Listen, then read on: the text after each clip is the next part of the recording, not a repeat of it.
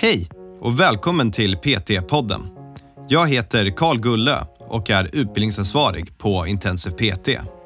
Vi har utbildat personliga tränare sedan 2012 och vill hjälpa så många människor som möjligt till en aktiv och hälsosam livsstil. I varje avsnitt kommer vi att prata med olika människor om träning, hälsa och entreprenörskap. Varje samtal har ett unikt ämne och vårt mål är att inspirera dig till att vilja förstå mer om hur det är att arbeta som personlig tränare eller att hjälpa dig framåt i din karriär som PT. Ja, precis. Och det, mycket beror ju liksom på vad man känner att man vill jobba med. Även, det spelar nästan ingen roll om man är fysio, om man är kiropraktor eller naprapat. Eh, för det, det, kan ju liksom vara, det kan vara massage, det kan vara mer att man, ja, den gamla titeln på kiropraktor, kotknäckare. Ja, välkomna tillbaka allihopa till ännu ett avsnitt av PT-podden. Idag har vi med oss Tex Felin. Han är vår anatomi och fysiologilärare. Han är även fysioterapeut och personlig tränare.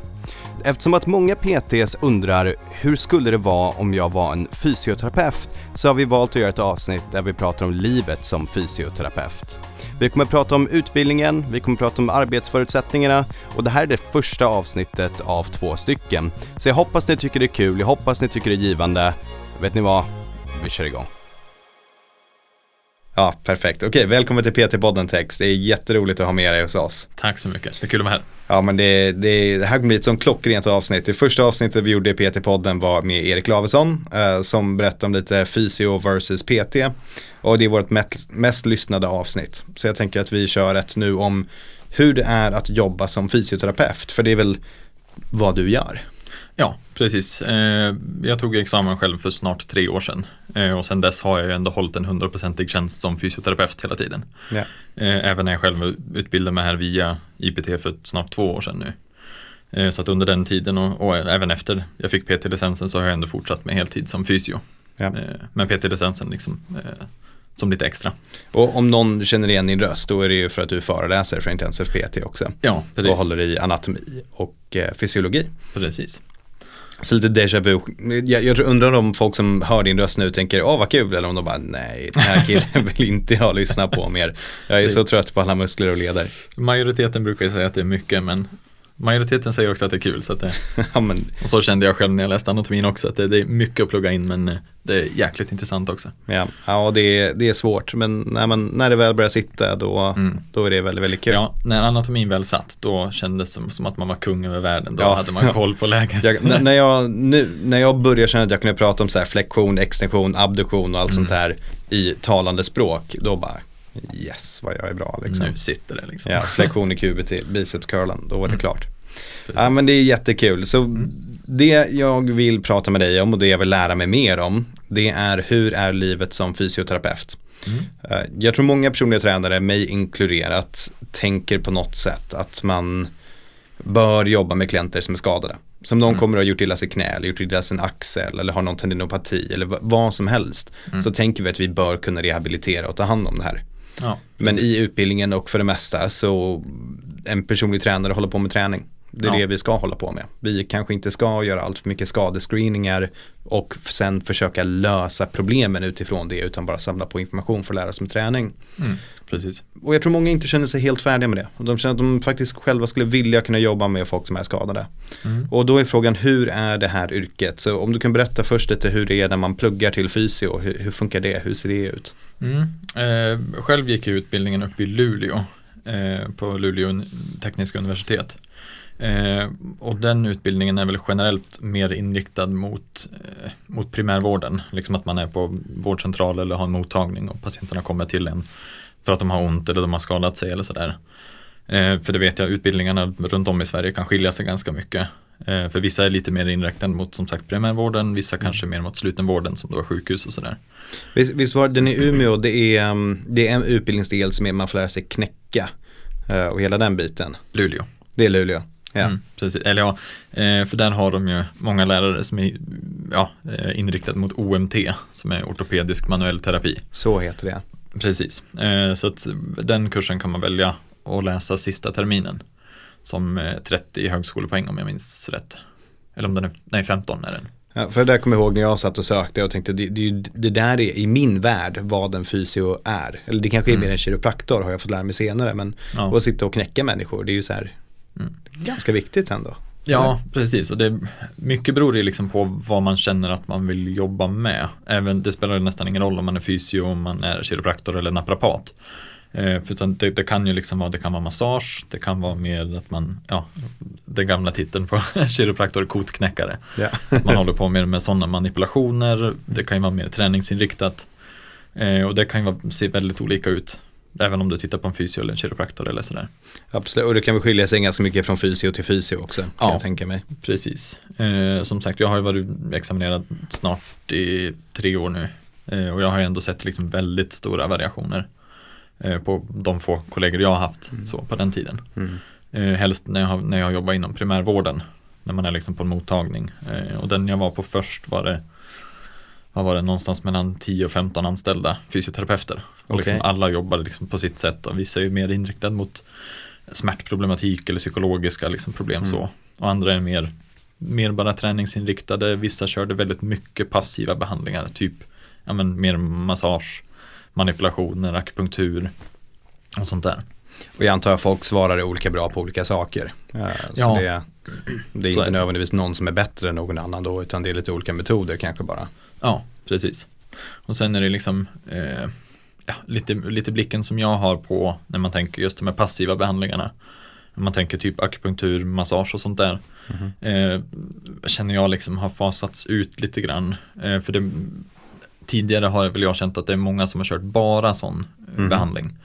Men det är ju liksom egentligen kortvarigt så att det blir, det blir som att ta en Alvedon ungefär. Om man Men ska, vänta, ak- akupunktur, nu snackar Ja. vi inte dry needling utan Nej, akupunktur. akupunktur. Men det finns väl ingenting som står, alltså ingen evidens för att akupunktur funkar alls. Nej, alltså det, någon smärtlindrande effekt har det ju. Sen exakt vad den, ja, ja vad, vad säger man, det verksamma liksom bakom det är man väl lite sisådär och man vet inte riktigt vad det är som ger den här effekten.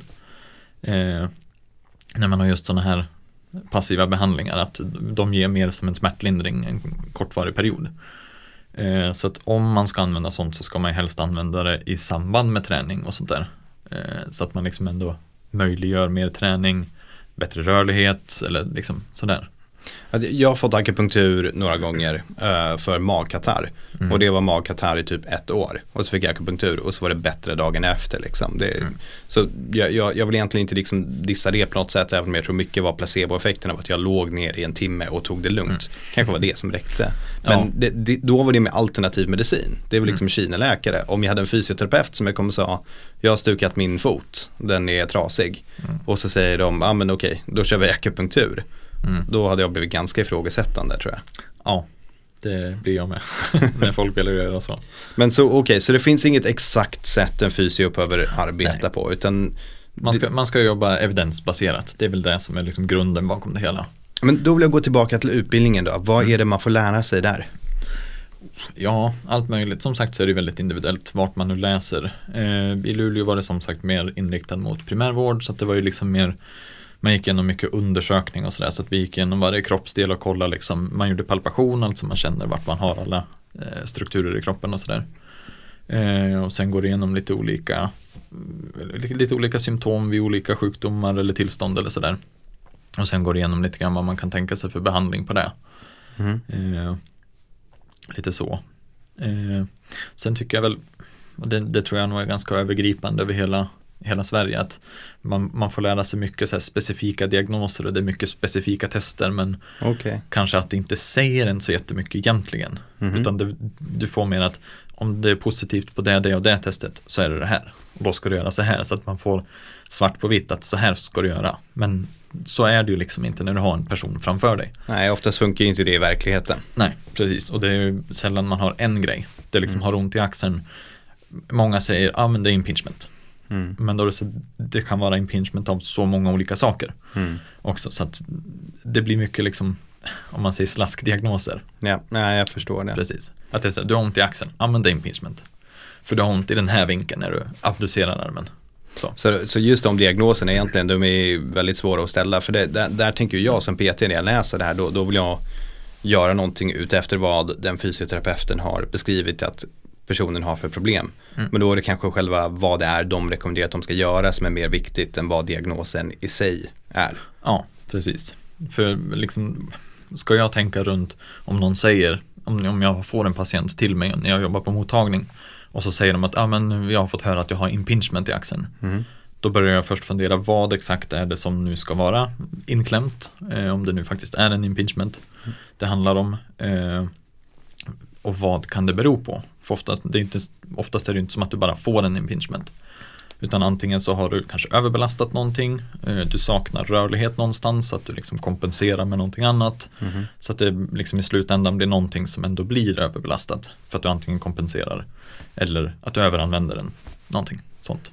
Ja, jag kan tänka mig att ställa de här diagnoserna är inte det lättaste. Att det Nej. är tufft. Och helst inte när, när man då får en patient eller en person som liksom kommer och så har de fått höra det här. Mm. Och då är det så här, jag har det här. Och sen om jag kommer då in och är lite ifrågasättande till det, då är det så här, nej, nej, nej, nej, nej, jag har impingement, det här vet jag, det här har jag hört. Ja, som jag, jag har en förkylning, den är, det är det enda jag är nu. Man blir nästan sin diagnos Ja, på något precis. sätt. Och det tror jag säkert att många personliga Mm. tränare upplever också, att någon kommer och, "Nej, jag har ett dåligt knä. De kanske inte ens har någon specifik diagnos och så säger man, ja ah, men okej, vi kollar, du, men du har liksom okej funktion. Nu ska vi göra det här, vi säger, eh, vad ska vi säga, eh, utfallssteg. Mm. Då säger han, nej det kan jag inte göra på grund av mitt dåliga knä. Så men man kan, liksom kan du göra det, gå och göra det nu. Du kunde göra det, bra jobbat. Ja, precis. Så att man liksom får, man får, ibland får man ju motarbeta liksom patienten och deras liksom förväntningar så. Det, det här vill jag höra mer om. Det, det, de klienterna som jag blir mest irriterade på, eller PT-klienterna, det är när folk kommer och bara, "Ah, men jag kan inte göra det här för att jag har ett diskbråck. Jag säger, okej, när hade du diskbråck då? Ah, det var 15 år sedan. Då Ja. bara, okej. Precis, för det är liksom de, de absolut flesta diskbråcken läker på ett fåtal månader. Ja. Så. Då är det så här, nu släpper vi det. Släpp det. Släpp den delen av ditt liv. Nu går vi vidare. Ja, du, har in, du är inte ditt diskbråck. Nej, precis. Och just liksom när det kommer till ryggproblem också så är det Mm. alltså nästan alla jag har mött som har ryggproblem då är det så här, ja men det här har jag sedan jättelångt tillbaka. Ja. Och det är liksom, det är inte så här, jag har mitt diskbråck, jag är mitt diskbråck Ja. nästan. Och det, på något sätt kan jag relatera för jag, jag har haft liksom ryggskott flera gånger och då kan det vara så här, jag kan inte gå på två veckor typ. Inte Nej. riktigt så illa men jag förstår den traumat som man går igenom att det känns jobbigt. Mm. Men jag, man ska inte låta det bli en, vem man är i sådana fall. Nej, precis. Okej, så det, det här är kul. Det, det jag vill veta mer om det är hur ser en dag ut i ditt liv då? När du är med de här olika patienterna. Hur, hur funkar det? Ja, eh, nu senaste året har jag jobbat med lite olika, eller på lite olika typer av verksamheter. Mm. Eh, senaste året har jag hunnit med att vara både fast anställd, eh, men nu senaste åtta månaderna har jag varit anställd via ett bemanningsföretag. Eh, Mhm. så att jag är anställd via dem och de hyr ut mig som fysioterapeutkonsult egentligen. Och fått väldigt mycket bättre betalt. Det med. Okej, fortsätt. Ja, eh, så det är en, en annan liksom, det är lite osäkerhet för att man vet aldrig vart man hamnar. Mm. Eh, jag har ju varit i Stockholm på två uppdrag och så har jag varit i Göteborg på ett uppdrag också. Mhm. Och vanligt, eller från början är jag från eh, ja, Hudiksvall. Så att jag har varit en bit hemifrån också. Ja. Eh, så att det är liksom, man får ge och ta lite grann. Eh, nej men så att jag har hunnit med både vara inom primärvården senaste året. Jag har provat på att vara på äldreboende. Mhm. Eh, och jag har också varit lite grann nu inom slutenvården, alltså på sjukhus här i Stockholm. Okej, så då kan vi börja redan nu med att vi kanske inte på de här 20 minuterna kommer hinna gå igenom alla olika aspekter av att vara fysio.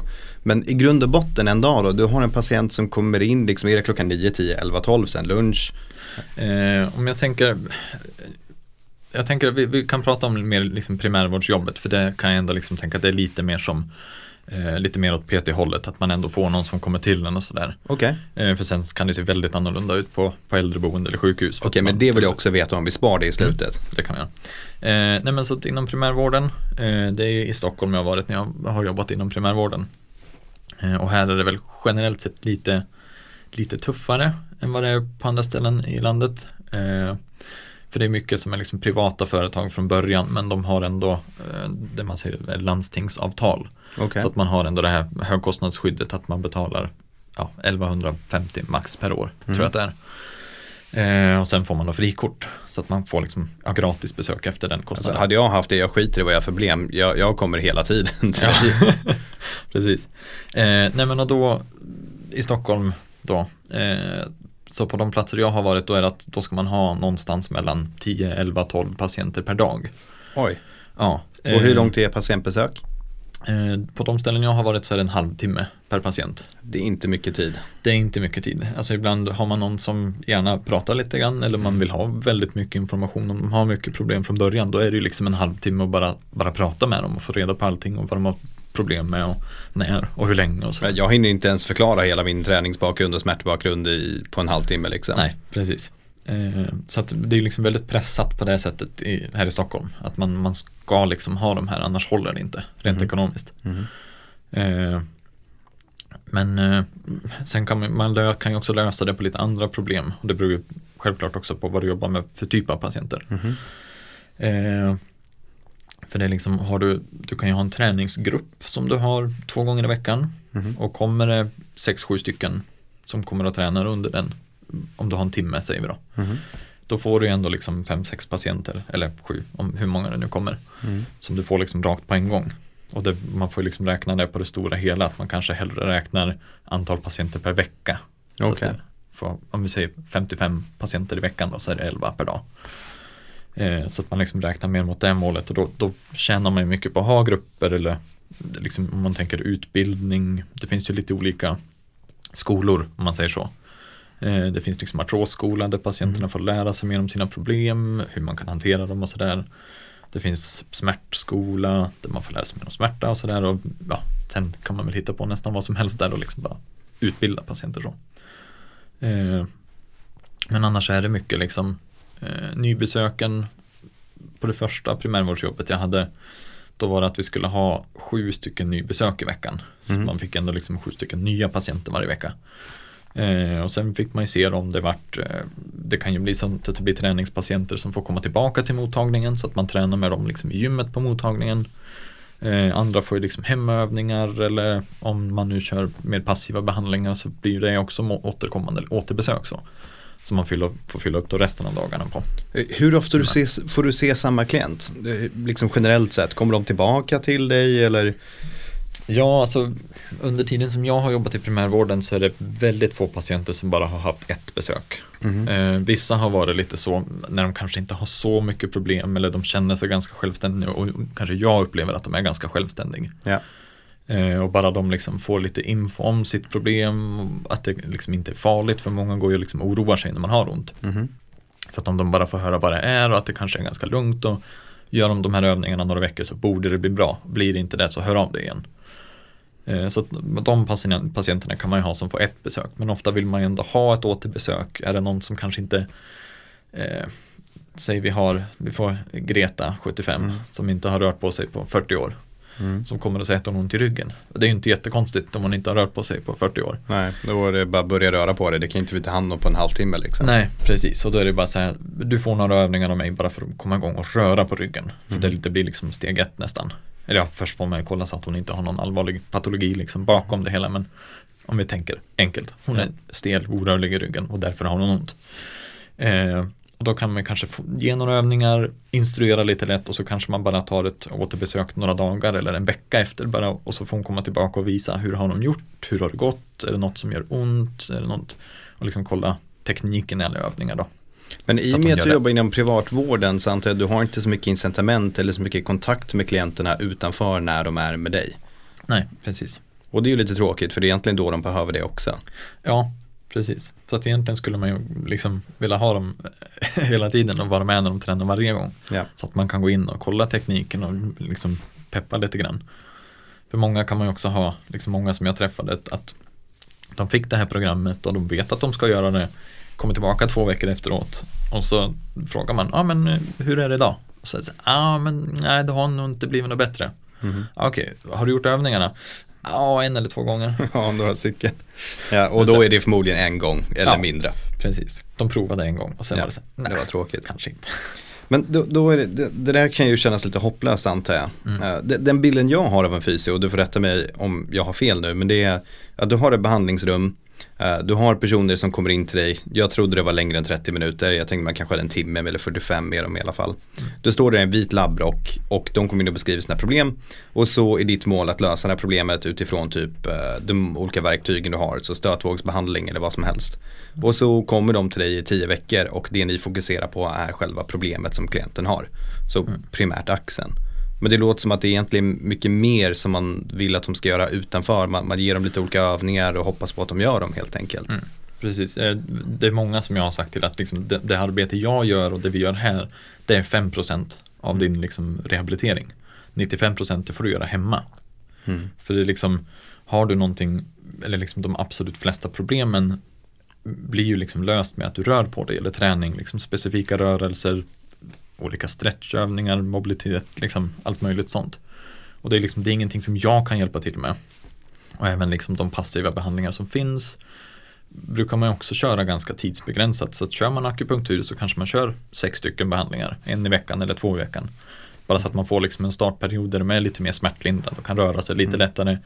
Kommer man igång och tränar och de kör träningen hemma så, så kanske de är mycket bättre efter de där tre veckorna. De kan fortsätta att röra på sig och liksom fortsätta förbättras. Okej, okay, så bear with me nu, för då, då, då, undrar jag så här. Det låter som att mycket handlar om träning mm. i grund och botten. Men från vad jag förstår när jag kollar fysioterapiutbildning så får ni ändå inte lära er så jättemycket om just träning. Nej, eh, vilket jag också ty då tycker är ett problem egentligen. Ja. Eh, åtminstone om, på de utbildningar som jag har liksom hört talas om. Så skulle du säga, vem tjänar mest på de här följande uppläggen? Är det att en PT läser till fysioterapeut? Eller är det i sådana fall att en fysioterapeut skulle läsa till en PT-utbildning? Oh, det var en bra fråga faktiskt. Eh, liksom jag nu ska du såklart svara att en fysioterapeut ska läsa till en PT-utbildning och det ska vara intensiv PT. Men vad är liksom Ja, ja precis, vi svarar det. Men förutom det, vad, vad... Ja. Eh, nej men jag, om jag tänker liksom rent för mig själv och de jag gick utbildningen med så de flesta har ju ändå liksom någon sorts träningsbakgrund eller liksom intresse i träning. Mm. Eh, men ändå inte allihopa. Eh, och liksom de som inte har den här träningsbakgrunden de går ju miste om väldigt mycket. För att man liksom inte har riktigt samma grunduppfattning om träning eller liksom samma eh, vetskap bakom det hela. Eh, så att det känner jag liksom haft, att jag har haft mycket nytta av själv. Mm. Eh, och liksom ännu mer när jag gick PT-utbildningen också, att man fick läsa ännu mer, liksom lite mer om träning. Det blev ju mer det, det blir ju mer åt friskvårdshållet än sjukvårdshållet ja. som eh, fysioterapeut generellt är liksom mer inriktad på. Eh, men sen känner man liksom att man, om man är PT och man känner sig intresserad av liksom fysioyrket och sådär eh, så är det väl liksom det jag tänker det är väl mer liksom primärvårdsliknande att man har någon mottagning och ja, personen eller patienterna kommer till en. Sättet jag skulle vilja arbeta med det, det är att jag jobbar på någon eh, träningsanläggning eh, där jag kan ta Egentligen skulle jag hellre jobba på typ en crossfit-anläggning där jag har klienter som är framför mig som gör konstiga övningar så att jag kan screena dem och se patologiskt vad är, se vad är det som händer med de här personerna mm. När de gör de här övningarna och sen tar de in till min klinik och sen kunna använda gymmet också som ett redskap för att förbättra dem. Mm. Men att jobba i ett sjukhus på det sättet, det, det känns för mig väldigt långt bort ifrån träningsbiten. Ja, precis. Utan för liksom det jag har gjort på, när jag jobbar på sjukhus, då är det liksom mycket eh, liksom från början är det mycket att man bara frågar frågor. Liksom hur har de det, eller liksom hur ser det ut i hemmet? Har de, måste de klara av att gå i trappor? Har de trösklar? Hur ser det ut i badrum? Liksom allt sånt. Det är ju mer liksom, ja men, ja, alldagligt levande som man kallar det för, ADL. Ja som man går igenom och liksom hur funkar det hemma och vad har du för förutsättningar nu och vad måste du klara när du går hem. Och det är liksom väldigt långt ifrån träningsbiten så. Alltså, jag ser redan nu att det här avsnittet kommer bli längre än 20 minuter som jag tänkt. För det, det finns, jag har en miljard frågor till som jag vill verkligen genuint veta om det här yrket. Liksom. Mm. Det, hur är det då, vad är snittåldern på klienterna som man jobbar med? Eh, tittar vi på primärvården så är det väl skulle jag sätta ett snitt så är det väl 50-55 kanske. Mm. Om inte lite äldre till och med. Eh, för många är det liksom de här äldre som kanske inte har rört på sig så jättemycket mm. de senaste åren eller de ganska många senaste åren. Ja. eh, som kommer och de har ont och eh, man måste liksom nästan börja om på ett sätt. Mm. För att de liksom som sagt, de har inte rört sig så, på, på så pass länge. Att de är, liksom, de är väldigt stel. De kanske till och med får mer ont av att börja röra på sig från början. Absolut. Men det är liksom inte heller konstigt. Eh, för det har jag också haft liksom patienter som har kommit tillbaka och bara, nej men det gjorde så ont när jag gjorde den här. Då är det så, ja men du har inte rört din rygg på några år. Mm. Det kommer att vara ganska obehagligt att börja röra på den igen. Men rör du inte på den så kommer det bli mer ont Ja. med tiden. Nej, för det, det där, när jag tänker mig hur jag vill jobba med det så är det så här unga, eller kanske inte unga, men yngre, fris, relativt friska ändå träningsmänniskor som vill förbättra sin prestation inom olika sätt. Mm. Um, och jag tror, eller att jag har mina PT-klienter som vill träna och vill må bra. Mm. Men de kanske har ont i axeln till exempel. Ja, Det är de personerna jag tänker mig när jag som PT sätter in mig, jag skulle vilja lösa problem som fysio också. Mm. Men den stora wake-up callen som fick mig att bara, nej jag kommer inte göra det här, jag kommer inte göra den här treårsutbildningen. Det var när jag var på naprapathögskolan och kom in eh, för jag skulle få min axel fixad som du vet är alltid kaos. Så skulle jag komma in där och så såg jag väntrummet. Och alla var över 60. Alla var gamla människor, vilket det är inget fel med att vara gamla människor, de ska också få hjälp. men det är inte vad jag vill jobba med. Nej. Som jag tänkte, och det låter väldigt taskigt nu att säga, jag vill inte röra de här människorna. Jag, jag vill inte jobba med sjuka människor, jag vill hjälpa med folk som tränar och vill ha en bättre axel. Liksom. Mm. Och då kände jag, nej det här ska inte jag lägga tre år av min tid på. Va, va, vad tror du om den biten? Eh, det är väl ändå det liksom jag känner också är mitt ja, långsiktiga mål. Att Mhm. man får hamna någonstans, någonstans ganska mycket mellan fysioterapeut och PT. Ja. Att man får ändå jobba med relativt friska individer. Mhm. Men som ändå liksom vill, vill är det, det kan vara en atlet som vill bli bättre inom sin idrott. Det kan vara någon som är 65 som känner att ja, men jag börjar stelna till, jag når inte den översta hyllan och jag vill bli lite, lite piggare och starkare. Liksom. Så det kan ändå vara mer mot den lite äldre och kanske, ja, inte sjukare men mindre friska Mm. hållet. Eh, men också någon som är liksom elitsatsande så. Mm. Så att det blir liksom väldigt mycket däremellan. Det är väl lite den, den linjen som är svårt att sätta. Liksom vart, vart Hur man gör det. Precis, och Ja. vart drar man hållet? Vart är jag PT och vart är jag fysio?